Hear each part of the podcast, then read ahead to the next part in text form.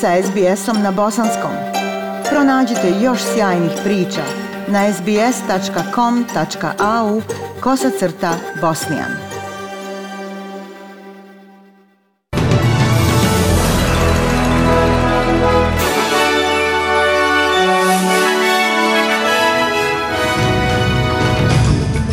U današnjim vijestima poslušajte još devet smrtnih slučajeva od covid u Novom Južnom Velsu.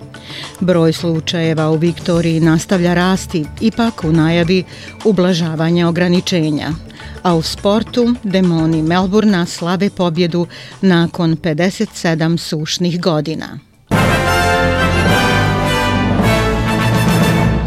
Slušate vijesti SBS radija na Bosanskom. Novi Južni Vels bilježi još devet smrtnih slučajeva od covid i 961 lokalni slučaj. Dr. Jeremy McConnell iz zdravstva Novog Južnog Velsa kaže da su među umrlima šest muškaraca i tri žene. One person was in their 40s, two in their 60s. Jedna osoba u 40. dvije u 60. dvije u 70. i četiri osobe u 80. godinama.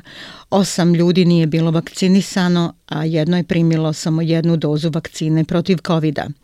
Obećavajući da će kasnije ove sedmice otkriti više o državnom planu otvaranja, premijerka Gladys Berejiklian kaže da u posljednjim podacima ima različitih vijesti pleasingly we are seeing case numbers in southwestern and western Sydney continue. Drago nam je što vidimo da broj slučajeva u jugozapadnom i zapadnom Sidneju nastavlja opadati, ali nažalost u Ilavari i centralnoj obali vidimo više slučajeva nego što bismo željeli vidjeti, pa smo zamolili te zajednice da ostanu na oprezu.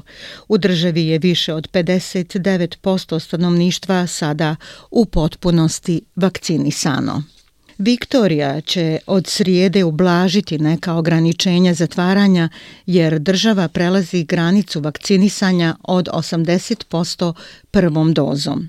Dozvolit će se rekreacija na otvorenom, poput vožnje čamcem, tenisa i golfa, a ograničenje putovanja od 10 km povećat će se na 15 km.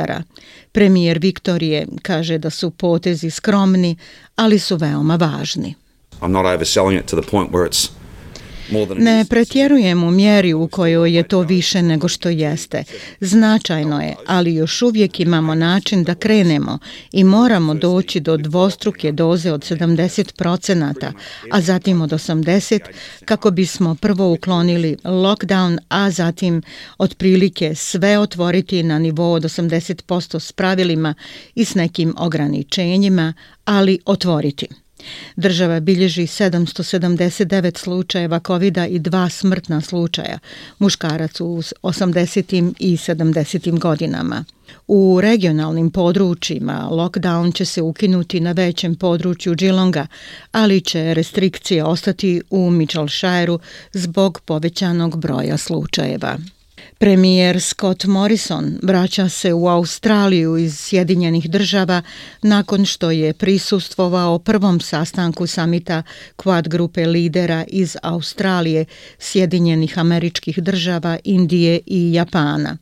Predsjednik Joe Biden ugostio je čelnike Saveza u Bijeloj kući na dvosatnom sastanku na kojem se raspravljalo o potrebi slobodnog i otvorenog Indo-Pacifičkog regiona kao i zabrinutost zbog Kine i pandemije.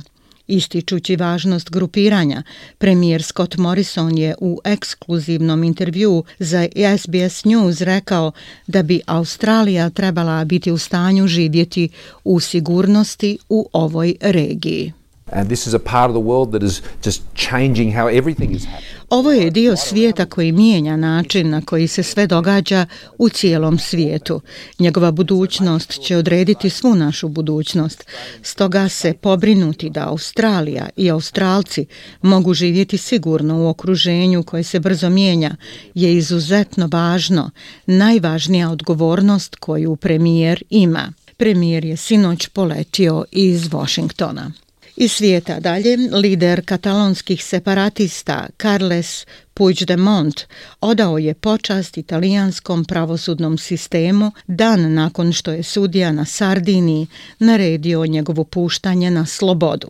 Nakon što je Španija raspisala potjernicu, Puigdemonta je u četvrtak uhapsila italijanska policija kada je stigao na Sardiniju, mediteransko ostrvo koje ima jake veze s katalonskom kulturom i vlastitim separatističkim pokretom, ali sudija ga je pustio dan kasnije. Puigdemont kaže da je zadovoljan ishodom i da je italijanskom pravosudnom sistemu bilo potrebno samo nekoliko sati da donese odluku koju Španija nije mogla donijeti četiri godine. These have been difficult hours, but not unthinkable. Ovo su bili teški sati s obzirom na put kojim je Španija išla posljednje četiri godine kako bi spriječila našu slobodu, našu slobodu kretanja, govora, djelovanja i politički kompromis. A sve je to protiv, protiv ideje evropske demokratije kakvu želimo. Sudija nije odredio nikakva ograničenja putovanja Puigdemontu, de Montu, ali katalonski čelnik kaže da će sljedeće sedmice prisustvovati ročištu kako bi odlučio hoće li biti izručen Španiji kako bi se suočio s optužbama za pobunu. Stotine ljudi protestovalo je ispred Ujedinjenih nacija u Njujorku zbog ponašanja Talibana prema ženama u Afganistanu. Mnogi od demonstranata došli su u Ameriku kao djeca izbjeglica, a sada su već odrasli. Jedan od njih je aktivista Matin Maulavizada koji kaže da se predstavnici prethodne afganistanske vlade i Talibani bore da govore u ime zemlje na Generalnoj skupštini Ujedinjenih naroda, a ali da niti jedan ne predstavlja uistinu narod. One looted and, and used the funds to Jedan je opljačkao i iskoristio sredstva da se obogati, a drugi pokušava ugnjetavati cijelu naciju. Imam dva rođaka koji su novinari, zaglavili su u Afganistanu i u velikoj su opasnosti. Imam rođake koji su zaglavili u Afganistanu i brinu se o tome hoće li biti prisiljeni na brak. Talibani su osporili vjerodajnice ambasadora zbačene afganistanske vlade i zatražili su da predstavljaju zemlju na sastanku.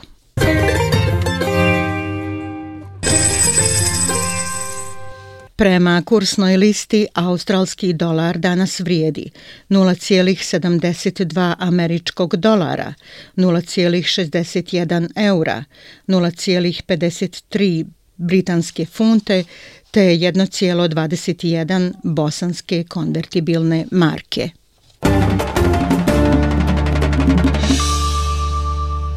I vijesti sporta, demoni iz Melburna su okončali 57-godišnju sušu sa 74 boda pobjedom protiv Western Bulldogsa u velikom finalu Australske futbalske lige. Demoni su postigli pobjedu u odlučujućoj historijskoj sezoni u Pertu. Prihvativši trofej, kapiten Demona Max Gone odao je počast svojim kolegama, osoblju tima i navijačima koji nisu mogli prisustvovati utakmici. Svi koji smo napustili porodice, prijatelji, svi u istočnim državama koji podržavaju demone Melburna, ovo je za vas. Konačno, nakon 57 godina boli, dolazimo kući. Petrarka je nagrađen medaljom Norm Smith za najbolji performans u državi.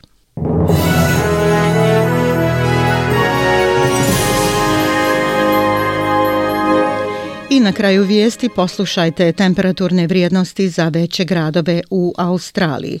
U Pertu kišovito 20, u Adelaidu sunčano 19, u Melbourneu sunčano 16, Hobartu 15, u Kamberi uglavnom sunčano 16, u Sidneju 18, Brisbaneu 24 i u Darwinu sunčano 34 stepena. Ovo su bile vijesti SBS radija na bosanskom jeziku. Ja sam Aisha Hadži Ahmetović. Ostanite s nama.